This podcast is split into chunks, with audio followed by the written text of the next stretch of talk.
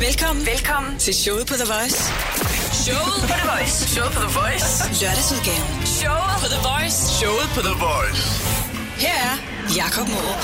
God eftermiddag og velkommen til showet på The Voice, lørdagsudgaven. Jeg hedder Jakob Morup, og medvært i programmet her i lørdagsudgaven, det er Remy. Velkommen til, Remy. Tak skal du have. Du er i øjeblikket aktiv i SOS Børnebyerne, X-Factor, og så er der jo en masse musik, som du har gang i, ud over alle dine andre projekter, ikke? Sådan plejer det at være med dig. Jo, jo, der, der er altid en, der er altid pænt stor aktivitet. Og på øh, godt fynsk, som jeg jo er, øh, kan du holde skruen i vandet. Jamen altså, jeg, jeg synes faktisk, at med, med årene, der er, at er blevet bedre til at opbygge en organisation og, og, og sådan strukturerne omkring hvert projekt, så, så faktisk øh, føler jeg en større frihed i dag, end jeg nogensinde har gjort før. Og, og, og også, at der samtidig kommer øh, endnu mere produktivt ud af alle, alle øh, de forskellige kasser. Jeg synes, at vi skal starte på noget positivt. Det er altid meget godt at starte programmet på noget positivt, fordi når du så går hjem, så tænker du, det var i hvert fald positivt til at starte med. Ej, det er planen, at det skal være det, ikke? Men øh, jeg har været inde på din øh, offentlige Facebook-side, øh, har været inde på væggen, og se, hvad folk de sådan skriver til dig. Og der er virkelig mange positive øh, tilkendegivelser over, hvad det, det arbejde, du render og laver, ikke? Og der er også nogen, der bliver inspireret af dig. Nu læser jeg lige en op her, ikke? Ja. Tidlig morgentræning, hjerte, skriver hun. Så det er Ulla Nyman, hun skrev det her 13. januar.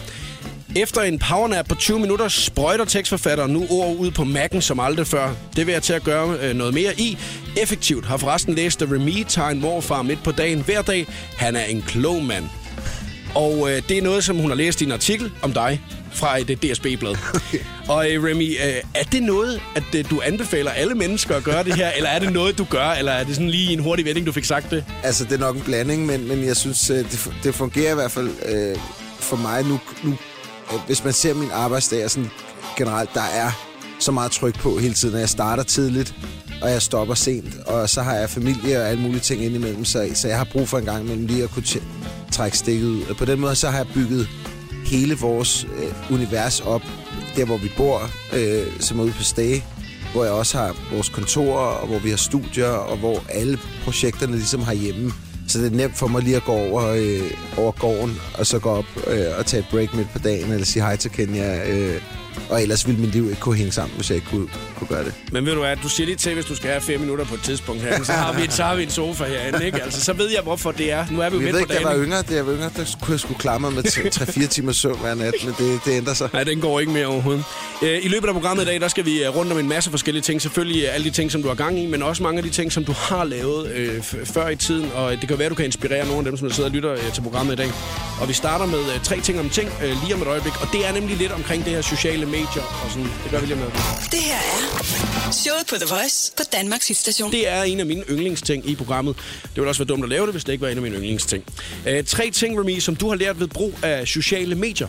Altså, jeg synes helt klart, at den, den uh, første ting er enormt positiv, fordi det er at det, at du kan kommunikere direkte til folk. Og for sådan en som mig, der har prøvet at være nogle voldsomme ture igennem i pressen i lang tid og så videre, så, så det er meget rarere, at du kan have en direkte øh, kontakt med de mennesker, der er interesseret i, i dit univers, og, øh, og kan fortælle dem dit perspektiv, din sandhed. Det synes jeg er øh, en, en rigtig god tendens, og, og, og specielt for sådan en i, i, i min øh, position, eller hvad man siger i min, min situation. Så du har lært, det er meget positivt at kunne bruge det på den jeg, måde? Jeg synes, det er enormt øh, rart, at du kan egentlig dele meget mere, end du vil gøre normalt i pressen, fordi at du kan gøre det ud for, for at det, du har interesseret i at dele. Så det er fra dit perspektiv, at man ser det? Klart. Og så synes jeg, at balancen derimellem man, må være anden ting. Det er ikke at dele for meget. Ikke at, altså det, men det er jo vidt forskelligt, hvordan vi, vi bruger det, og hvordan man selv synes. Altså jeg er ikke... Der er mange sådan... En eller anden Dan Racklin, der hele tiden øh, kører meget politiske budskaber og kører det som sådan en, et debatforum nærmest. Den, er, den type er jeg ikke. Altså der, der er mere sådan... Jeg synes... Øh, ting, jeg selv elsker, eller bliver inspireret af, eller det er det, det, jeg ligesom vælger at kommunikere ud. Men hvad skal man poste, og hvad skal man ikke poste, synes du? Men det er jo helt op til en selv. Man kan jo, det, er jo, det er jo ret sjovt egentlig at følge de altså forskellige menneskers øh, øh, færden på de sociale medier. Det er jo vidt forskelligt, hvordan man, man bruger det. Jeg har bare fundet min måde, og, og det, der inspirerer mig. Jeg, jeg elsker faktisk at se min Instagram, fordi at tit så kan jeg sgu ikke huske alt det, der er sket. Så der, der kan gå ind nogenlunde kronologisk og følge med i, hvad... Det er din dagbog? Ja, ja, simpelthen. Så det er jo sådan en billedmæssig dagbog, og, og, øh, og så i forhold til de andre forretninger, som natklub og sådan nogle ting, der har det været et genialt redskab til at, at kommunikere med alle de gæster og interesserede, der er i, i klubberne osv. Bruger du meget øh, det kom- kommercielt for dig, føler du? Eller, øh, eller er der også nogle gange, hvor det bare er Remy, der måske ikke er så kommerciel, øh, der lige Jamen, jeg smider et føler eller andet egentlig, op? at, min, at min, min Instagram og Facebook er, er ikke kommersiel. Jeg har fundet ud af, at sådan, der er en klar balance mellem de tre medier. Jeg kan se helt klart, hvad folk responderer på. Fordi for eksempel på min fanside, hvis jeg har noget som helst, der minder om noget kommercielt, så er der ingen aktivitet. Så er der ingen, der laver altså, noget. ikke noget med en sang, jeg har lavet, eller et eller andet. No way. Altså, det, det, er, det er personlige øh, ting og lidt mere privat karakter med kæreste eller Eller hvis du poster en sjov panda, Ja. så, så er der er der knald på dig. Ikke, eller en kat med, med ski på, eller Ja, ja, eller andet. ja. Så, hvad, og der synes jeg, Instagram, der kan man få lov, det, det kan få lov at være lidt mere livet. Det er mere en drømmeverden, ikke? Jeg ved ikke, om vi har nået tre ting, men vi har i hvert fald nået at, øh, sådan at vende det her med sociale medier, og hvordan man, øh, man, man bruger det. Der, og, og det første, du sagde, det var jo det her med, at man kommer direkte i kontakt med folk, men der er jo så også mange, som kan kontakte dig igennem det. Og øh, derfor så synes jeg lige, vi skal løbe på stykker af dem, øh, som du ikke har nået at svare okay. i, øh, gennem inde på vores Uha. øh, Facebook-side. Men det gør vi lige om et øjeblik. Okay. Lørdagsudgaven. The Voice med Jakob Morup. Du er jo en, der deler mange øh, gode ting, og også på din øh, Instagram, der deler du rigtig meget. Så vi alle sammen kan sidde og blive misundelige over, hvor det er, du rejser hen i verden. Men der er jo også mange, som der spørger dig om ting øh, på øh, Facebook. Og, og det er jo ikke altid, du har tid til måske lige at få svaret øh, de her mennesker her. Øh, Undskyld. ser du dem, de her spørgsmål? Ja, jeg, jeg prøver faktisk at nå det hele igennem. Nogle gange tidsmæssigt er det simpelthen umuligt for mig at nå øh, at få svaret alle folk og gå alt, men jeg ser langt øh, det meste. så kan vi jo heldigvis svare på et par stykker af dem her. Øh, og jeg synes faktisk, det er nogle ret øh, gode spørgsmål, det her, fordi de, de ligger op til nogle andre spørgsmål. Ja. Der er en fyr, der hedder Dan øh, Øenbål, ja. Ja. som har skrevet til dig. Øh, han er ude fra Store Tornby, og han skriver, øh, hvad blev der af Tine fra X-Factor? Nå, godt spørgsmål. Hun var faktisk øh, på send for nogle uger siden, jeg mødte hende derinde. Vi aftalte faktisk, at jeg skulle mødes en dag og, og se på hørevogn og hende og så videre. Jeg synes stadig, at hun er en af dem, der har haft størst potentiale i, al, al, i hele det shows historie. Men på det tidspunkt, hvor hun var der, der var jeg, havde jeg simpelthen ikke kapacitet til at tage dem ind også og investere i det og så videre. Så, så øh, der var nogle andre, der tog fat i det, og, og i Australien tror jeg, hun fik lavet en plade og så videre. Øhm, Jeg synes jo, det er et øh, rigtig godt spørgsmål, det her, øh, med folk, som der sidder ude og sidder og ser dig øh, fredag aften i X-Factor, øh, og tænker over det her.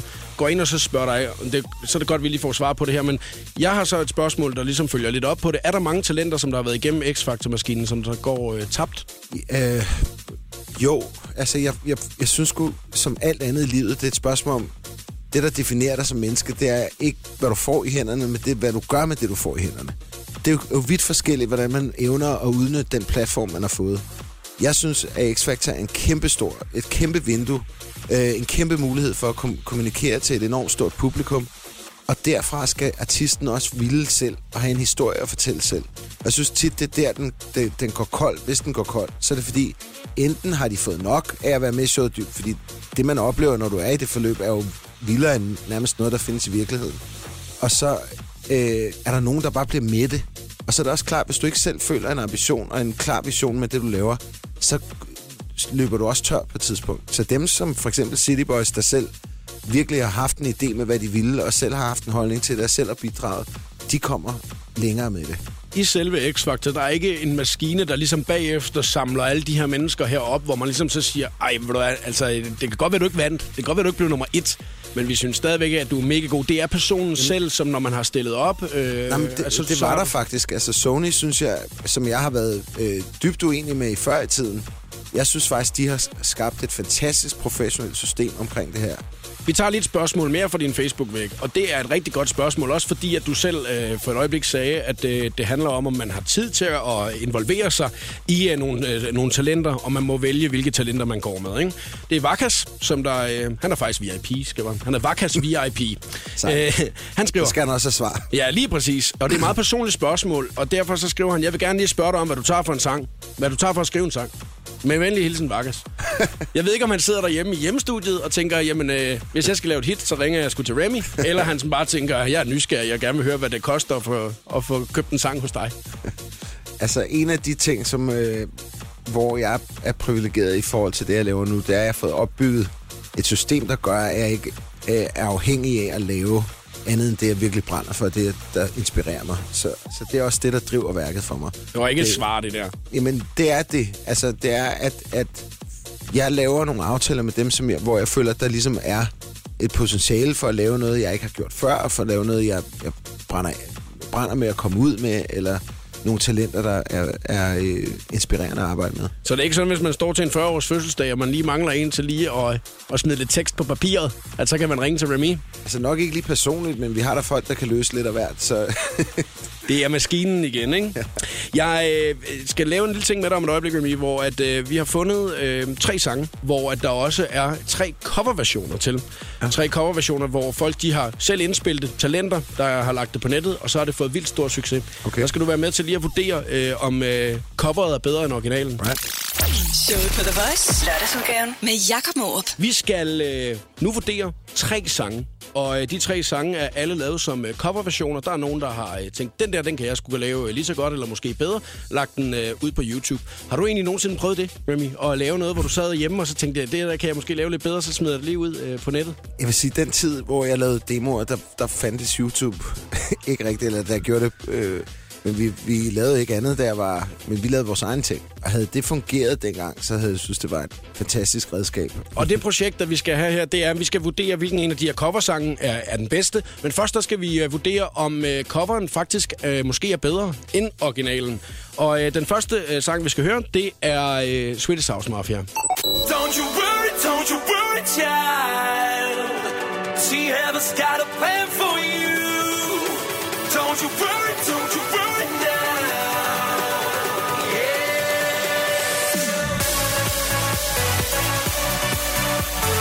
Det er jo stadigvæk en af mine favoritsange, den der.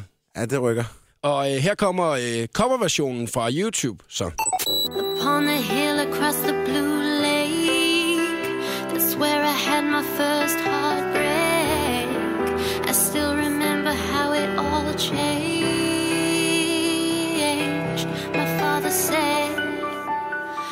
Don't you worry, don't you worry, child See, heaven's got a plan for you. Don't you worry, don't you worry now. Hvad synes du der, Remy? Jamen, det var ganske fint. Jeg synes, at øh, det er jo en af de ting, der...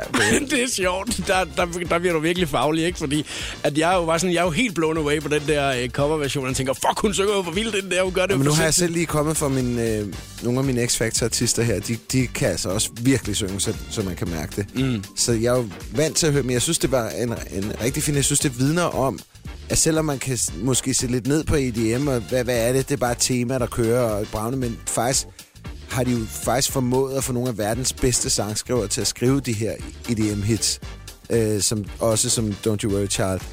Og det vidner bare om, hvor stærk en sang det i virkeligheden er. Mm. Når, altså, en rigtig god sang kan synges på 100 forskellige måder af alle mulige forskellige typer stemmer, så længe det er troværdigt, og så lyder det fantastisk.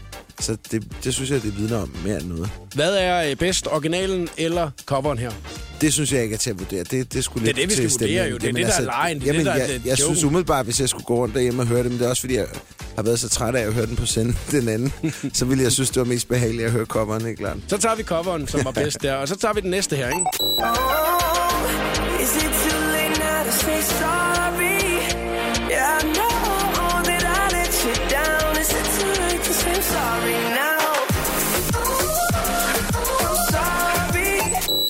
Den kender vi altså som Justin Bieber, Sorry, og øh, der er lavet rigtig mange coverversioner af den. Det kunne jeg forestille mig. Og den her, den har øh, fået sindssygt øh, mange hits Alright. på øh, YouTube. Oh, is it too late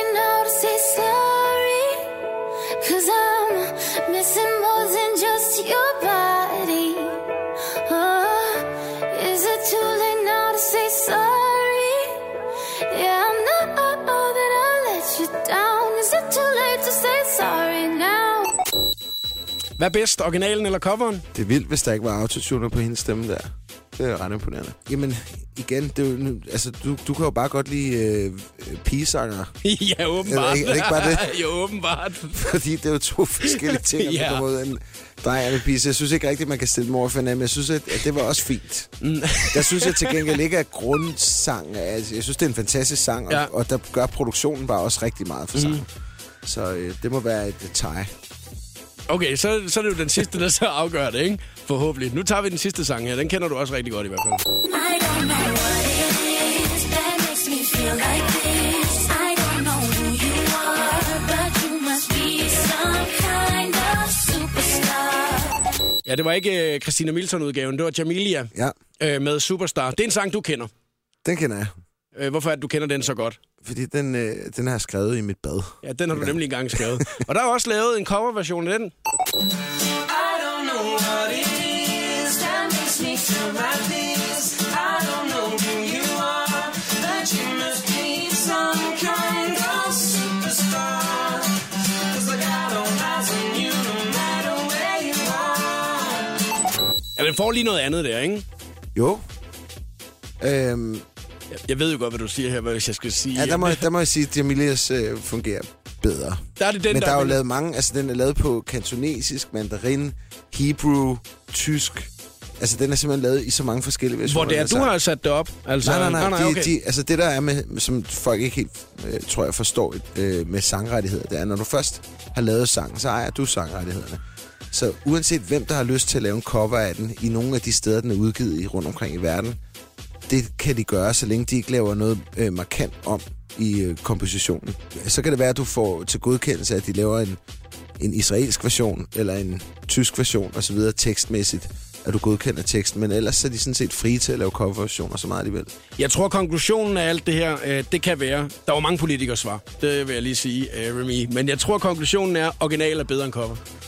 Ja, hvis det er ude for de her tre, øh, Det det. og det vil jeg sådan generelt også sige, der er noget magi over, når en sang rammer rigtigt med, med den oprindelige artist. Men der findes jo også eksempler på alt fra Frank Sinatra-sangen til alt muligt andet, at den anden og Elvis-sangen, du ved, han har jo lavet mange covers også, hvor at hans versioner er langt de øh, største.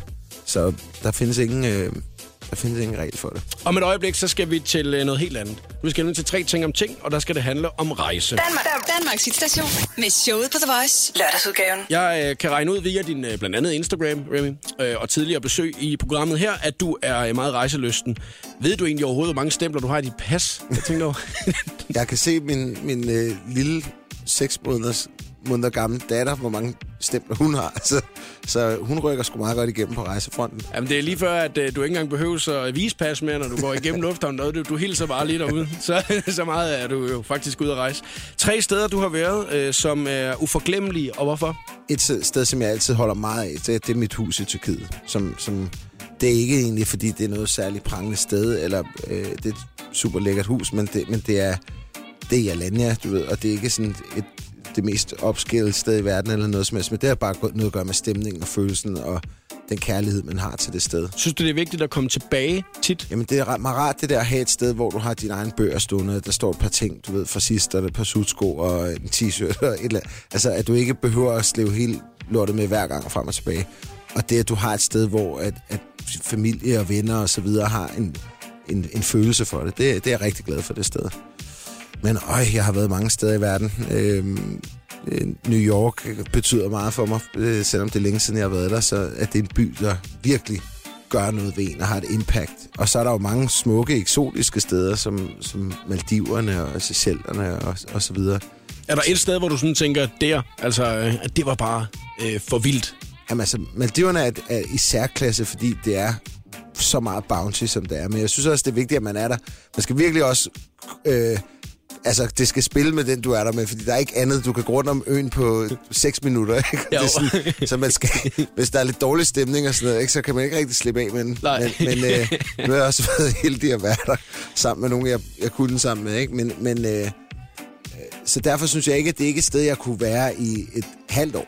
Så vil jeg blive nuts, simpelthen. Men i små doser, øh, der er det helt fantastisk. Lørdagsudgaven. Jakob Mårup i showet på The Voice. Sørger du altid for at, øh, at rejse sammen med flere, eller, øh, eller er det kun din partner? Nej, jeg kan også godt lide at rejse helt alene. Altså, før i tiden tog jeg altid på, på ferie alene, hvis jeg fik for meget af, af, Af folk verden, og arbejde og alt muligt. Så, så synes jeg, det er, det er vigtigt at kunne øh, være med sig selv. Hvad får man så tiden til at gå med, når man rejser alene? Så kan man fordybe sig i tanker, og sin fantasi kan få lov at gro, og, og der er ikke nogen, nogen andres ur, du skal øh, arbejde ud fra. Så Men, men kan man så godt lade arbejdet ligge, når man er alene? Fordi at man jo hele tiden tænker i projekter. Det kan og... jeg aldrig rigtigt. Så, så det er en del af mig. simpelthen. Det er en del af, af den person, jeg er. Men jeg synes, at det der med, at du har en frihed til at, at også, at så møder du mennesker på en anden måde, for du er åben på en helt anden måde over for alle, øh, når du er alene. Ikke? Men, men nu har jeg jo heldigvis en, en øh, dejlig familie, som har samme øh, kærlighed til at arbejde, som jeg selv har, eller til at rejse, som jeg selv har. Og vi nyder altså selv vores lille baby der, hun falder i søvn lige så snart vi kommer ind i en flyver og vågner op, og så er hun det ene sted, og så er hun det andet sted. Og vi har brugt det også meget til at sige, der sker så meget herhjemme. Så det er, det er bare rart, når vi er et eller andet sted, fordi så kan vi være sammen hele tiden. Og det er sammen. jeres måde at være sammen på. Præcis, og det giver noget intens kvalitetstid sammen, hvor at øh, alle har det godt, og der er ikke noget stress omkring barnet og så videre. Ikke? Så øh, hvis man ligesom lige skal opsummere tre, tre steder. Alanya, nummer et. Og, Ja, det øh, lyder, ah, du, så vil jeg sgu, altså fordi ikke... det, det er fedt, du Ja, trækker Alanya den er sgu... altså, men det er mit hus i Tyrkiet. Okay, den- den er- Fordi den- det er den- den er specifikt det hus. Yes. Og så New York. Fantastisk by. Altid Ja. noget at opleve. Og øh, Maldiverne.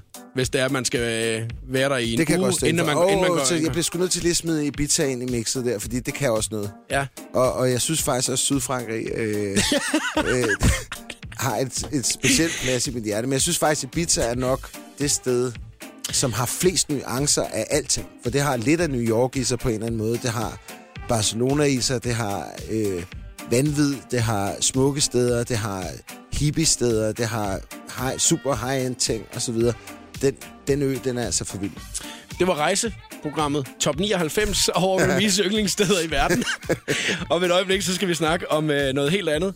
Jeg øh, har nemlig øh, fundet nogle øh, interviews frem, Remy, som du har lavet igennem tiden, hvor øh, reporterne spørger dig om noget, og så kunne jeg godt tænke mig at Og se om... Kenya øh, selvfølgelig, det er helt glemt. Faktisk Afrika. ja, det er jo også det, at dit synes- synes... barn hedder. at det er et fuldstændig... Det er jo altså verdens hjerte. Det er, det er simpelthen, simpelthen så øh, overvældende et land. Nå, Man kan glæde sig til klokken 18, øh, hvor det er, at programmet er slut, hvor Remy er færdig med at ramse lande op. når vi i.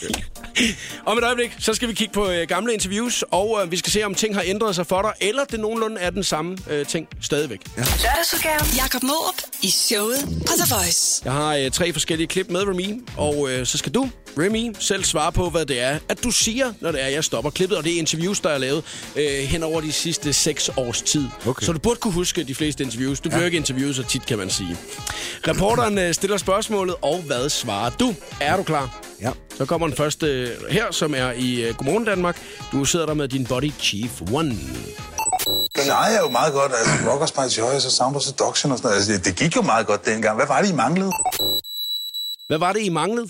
Jeg synes, vi... Jeg, jeg vil umiddelbart sige noget i retning af, at vi manglede sådan nogen som os, der kunne øh, tage ordentligt ansvar og kunne guide ind i de rigtige retninger, så man sparer sig selv for at lave alle de fejl, vi selv har lavet.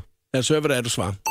Rockers by Choice og Sound of Seduction og sådan noget. Altså, det, gik jo meget godt dengang. Hvad var det, I manglede? Jamen, jeg tror bare, at det der at have noget styring og have nogen, der, der ligesom hjælper dig på vej til at vokse optimalt, og har det kreative overblik også.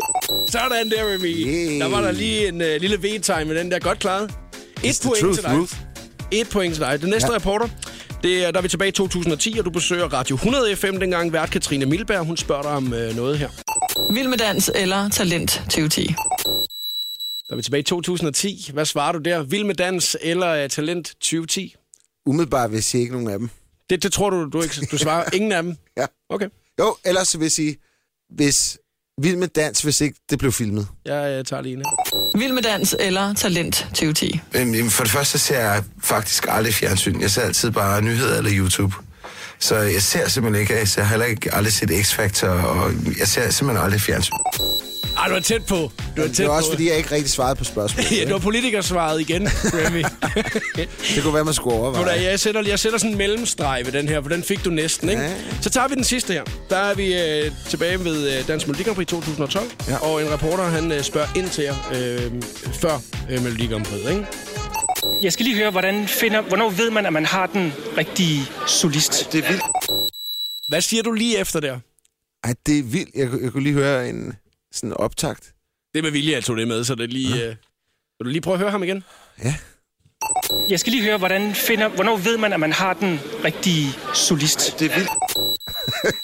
Det, er, Hvad fanden svarer man? Super nysgerrig. Det var- kom også meget hurtigt. Mm. Det kan være, der var en eller anden fugl, der fløj forbi med en eller anden sindssyg farve. Hvad tror du, du svarer? Øhm, Når du siger noget inden at du faktisk svarer på spørgsmålet. Jamen, det er jo magien mellem sangen og artisten. Altså, det om det er 100% troværdigt, det du hører. Lad os høre, hvad det er, du siger, ikke? Jeg skal lige høre, hvordan finder, hvornår ved man, at man har den rigtige solist? Det er vildt, du siger, du er Melodi Prix-fan, for du lyder også som... Det, du, du har faktisk en øh, Jørgen Demilius øh, klang over din stemme. Jeg ved slet ikke, om det skal, er det en fornærmelse? Nej, det er absolut et kompliment, at det virker oprigtigt, det virker autentisk. Det er meget fedt, at der er reporter, der faktisk bliver en lille smule fornærmet med. Det plejer jo faktisk ofte at være omvendt, at reporterne stiller nogle spørgsmål, ikke? Okay, Hvor man det var svært. Men øh, du mente, at øh, reporteren her, han lød lidt som Jørgen Demilius. Hvilket jeg synes er et kæmpe kompliment. Men det, han tog det så ikke som en særlig stor det- kompliment. Ved du hvad, øh, Remy, øh, man kan sige, at du er, du er meget god til at huske dine svar, men den her, den, den kunne okay. Okay. altså ikke, den, den sidste her. Lørdagsudgaven. Showet på The Voice. lige nu i uh, programmet. Og nu skal vi kigge lidt tilbage i tiden, uh, faktisk 10 år tilbage i tiden. For uh, der forklarer du, uh, Remy, meget stolt, uh, hvad der skal ske til en fest, du holder i Copenhagen Fashion Week. Det var da MTV Awards var i København, hvor at Wonderful Copenhagen var kommet til mig et halvt år tidligere og sagt, om jeg ikke kunne hoste en stor fest. Netop fordi de synes at det var en bro mellem mode og musik og så videre, om jeg ikke kunne lave sådan et hovedevent, når MTV Awards det internationale var her. Okay. Og så gik jeg i gang med at lave den der. Og så er det du forklarer, hvad det er, der kommer til at ske Ja. rundt omkring øh, i, til selve arrangementet. Nu hører vi lige et lille klip her. Good thing about the sofas is that they're built to dance on.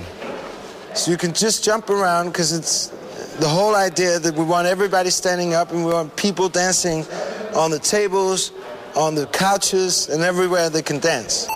Du har jo været tidligt ude. Det virker som om, det er Heides Bierbar, men det er det ikke, altså hvis man kigger på selve tv-billederne, vel? Øh, Det du faktisk forklarer her, det er jo, at øh, I har bygget nogle sofaer, som er til at danse i. Det er jo øh, en ting, som folk får til at købe billet til, hvis der er, man kan komme til et arrangement, hvor man kan få lov til at, at danse i sofaen. Det var der også mange, der gjorde. Hvad, øh, hvad var du for en type dengang med mig? Fordi her der virker du jo meget som, øh, nu skal jeg skulle sælge det arrangement her. Det er party, det kører der af, og det var måske faktisk var lidt nyt, at man kunne komme til sådan en type arrangement. Jamen altså, der var mange af de ting, som vi byggede op med den fest, som jeg har lært meget af siden, og som ligesom var, min intuition var bare at skabe et, det der fuldstændig sindssyge univers, som, som ingen andre, hvis du stod i en sofa på de andre klubber, så blev du smidt ud. Det er nemlig lige så, præcis så det. hele den der tankegang omkring det, var der bare ingen, der havde gjort i, i, i Danmark på det tidspunkt. Øh, I hvert fald ikke, som jeg havde oplevet det. Jeg tror, jeg er fuldstændig på samme måde i dag. Jeg er, når jeg forelsker mig et projekt, og jeg går ind i det, så er alt i min krop brænder for det her. Og jeg kunne bare høre min egen excitement. Det er mens det interview blev lavet, der var strømmen lige gået på hele øh, Østerbro, på grund af, at vi havde trukket så meget strøm til den der fest.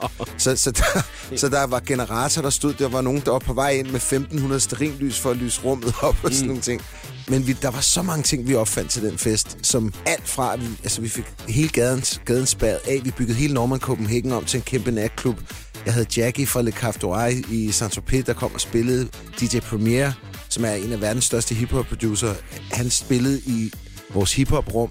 Vi havde piger i Jean Provocateur-tøj inde i nogle glasmontre. Vi havde en skobar, hvor du fik et par Converse-sko på vejen ud. Så der var så mange vanvittige ting sat op til den fest. Og den glæde og den entusiasme, jeg får for sådan noget, det får jeg for hver gang, der er en eller anden idé, der går op for mig. Men det, jeg synes, der er vildt interessant i det her, det er jo, at øh, du går øh, meget op i, at øh, hvad det er, folk de skal købe, eller hvordan de skal danse, eller hvordan de skal, øh, hvad, hvad det er, du gerne vil have dem til. Er det en øh, normal tankegang, tænker jeg, når man skal lave sådan noget? Altså, at øh, man allerede har tænkt, hvad er det, vi gerne vil have folk til her?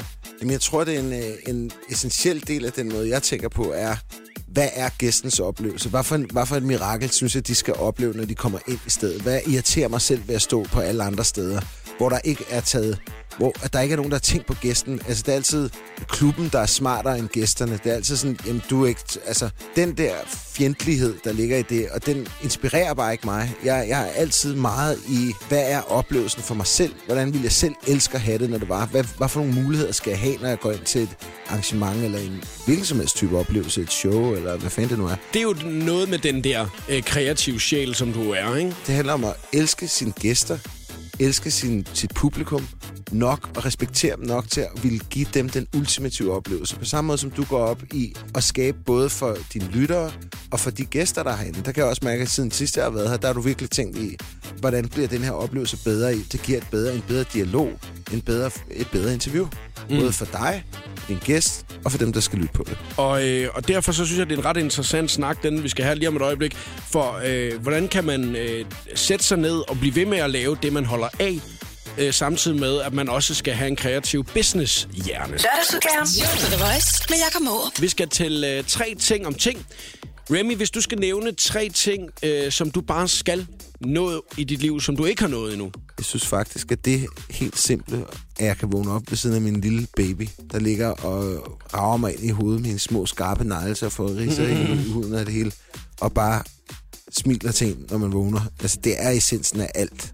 Så det overgår alting. Men det er jo nogle ting, du har nået nu. Jo, men det, det er bare at følge det. Er simpelthen, og det lyder måske meget øh, klichéagtigt, men, men når først du har mærket den form for lykke, og den form for glæde, og den form for tilstedeværelse og overgivelse til et andet menneskes velbefindende på mm. den måde, øh, det slår bare alting. Så overalt, hvor jeg kan være, hvor at det er intakt, er godt.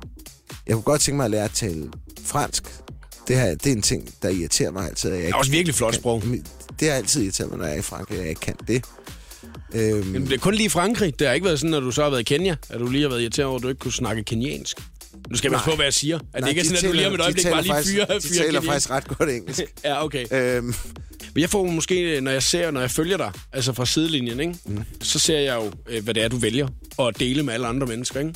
Og der ser jeg jo øh, en mand, som der er rigtig travl, og øh, man føler jo, altså jeg får næsten stress. Altså man, man kan jo næsten kun underpræstere i, øh, i, i forhold til dig, ikke? Med, med, det, med alle de ting, du når.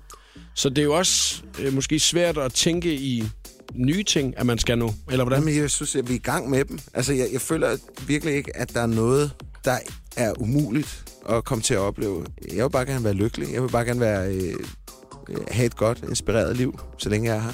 Hvis man så skal lægge det over på musikken i stedet for, er der så stadigvæk en, hvor du sådan tænker, fuck man, hvis jeg kunne få lov til at lave et uh, samarbejde med den person? Så sad sammen med Thomas Troelsen, vi sad øh, hjemme hos mig her forleden og kiggede på tegninger af mit nye projekt. Som der synger på Tiesto og Don Diablo nummer Og han laver alt lige nu. Altså, det, vi har jo været partner i mange år, mig og ham.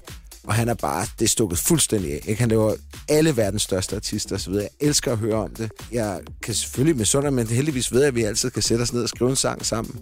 Men det, det skulle være sådan i forbindelse med ham. Så er det mere, fordi jeg gerne vil arbejde med, bruge noget mere tid sammen med Thomas igen. Fordi så ved jeg, så kan vi få hvad som helst til at ske. Mere end det er... Jo, Quincy Jones vil jeg gerne møde. Der var en til, Der var en ting. vil- Quincy Jones, ham vil jeg rigtig gerne med. Ham synes jeg er den vildeste. Og så er der en, der hedder øh, Shamat Palehabatayat, som er Wow. en, var sådan en seed investor i Facebook, som er sindssygt begavet, som jeg altid sidder og følger på, på YouTube, alle hans interviews og sådan noget. Vildt spændende, ham gad jeg godt at have en samtale med. Men så har du alligevel også alligevel et par ting, ikke, hvor man sådan tænker, når man, når man lige sådan graver dybt ind, ikke?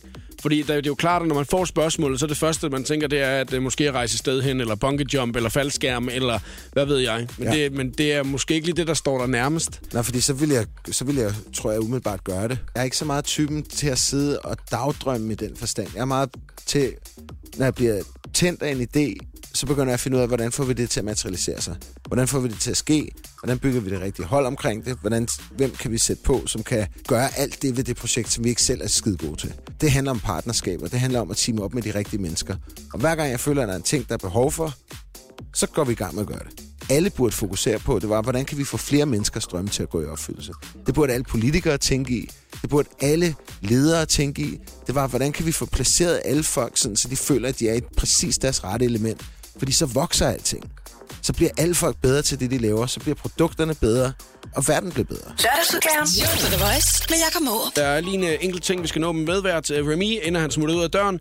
Remy, kan du prøve at fortælle os, øh, hvordan at en, en dag i 2016 ser ud for dig, hvis du starter fra morgenstunden? Typisk så går jeg over på øh, vores kontor, som ligger øh, 50 meter fra, fra min lejlighed.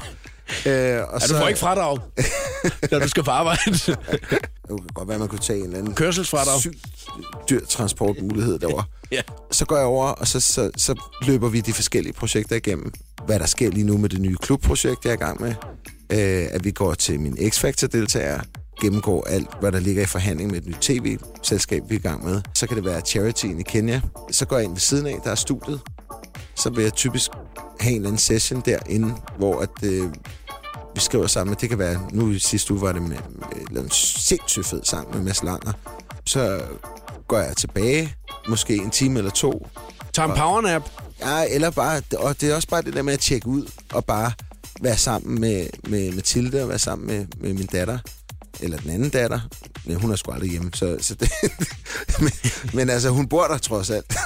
men hun går i gymnasiet nu, så hun har, hun har alt muligt andet i hovedet. Men, men altså bare det at være, hvor der ikke er noget, der kører, hvor der ikke er noget projekt, der kører. Og så kan det være at gå tilbage over og færdiggøre et af øhm, øh, beslutninger, der skal gøres omkring den ene eller den anden ting. Men det sådan foregår sådan hele tiden løbende. Så kan det være, at jeg skal ud og lave et interview med dig, eller jeg skal øh, ud og vælge materialer til øh, klubben, eller sidde og kigge på designs, eller...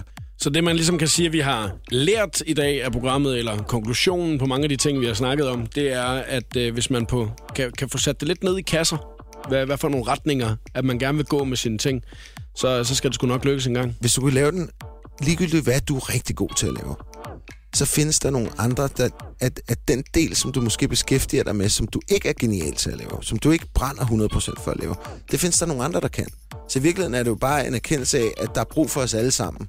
At hvis, og hvis vi kombinerer vores kræfter rigtigt, så kan meget mere lade sig gøre. Og det er det, hele vores går ud på. Det er den rigtige blanding af vision og eksekvering. At du har nogen, der er sindssygt gode til at eksekvere, hvis du er rigtig stærk til at få idéer. Øh, og hvis du kan finde de rigtige partnerskaber af det, så er der, så er der sgu ikke nogen begrænsning for, dig, hvad der kan lade sig gøre. Og det, jeg kan mærke, det er for hvert projekt, der lykkes for os, så skaber det endnu mere energi. Så det er ikke sådan, at vi løber tør og tænker, wow, nu kan vi ikke klare mere, nu kan vi ikke overkomme mere. Nogle gange skal du skille nogle ting fra, fordi det måske ikke er essentielt. Men i det brede øh, snit, der kan alt ske. Remy, tak fordi du gad at kigge forbi i dag. Selv tak. Danmark, Danmarks hitstation med showet på The Voice. Lørdagsudgaven.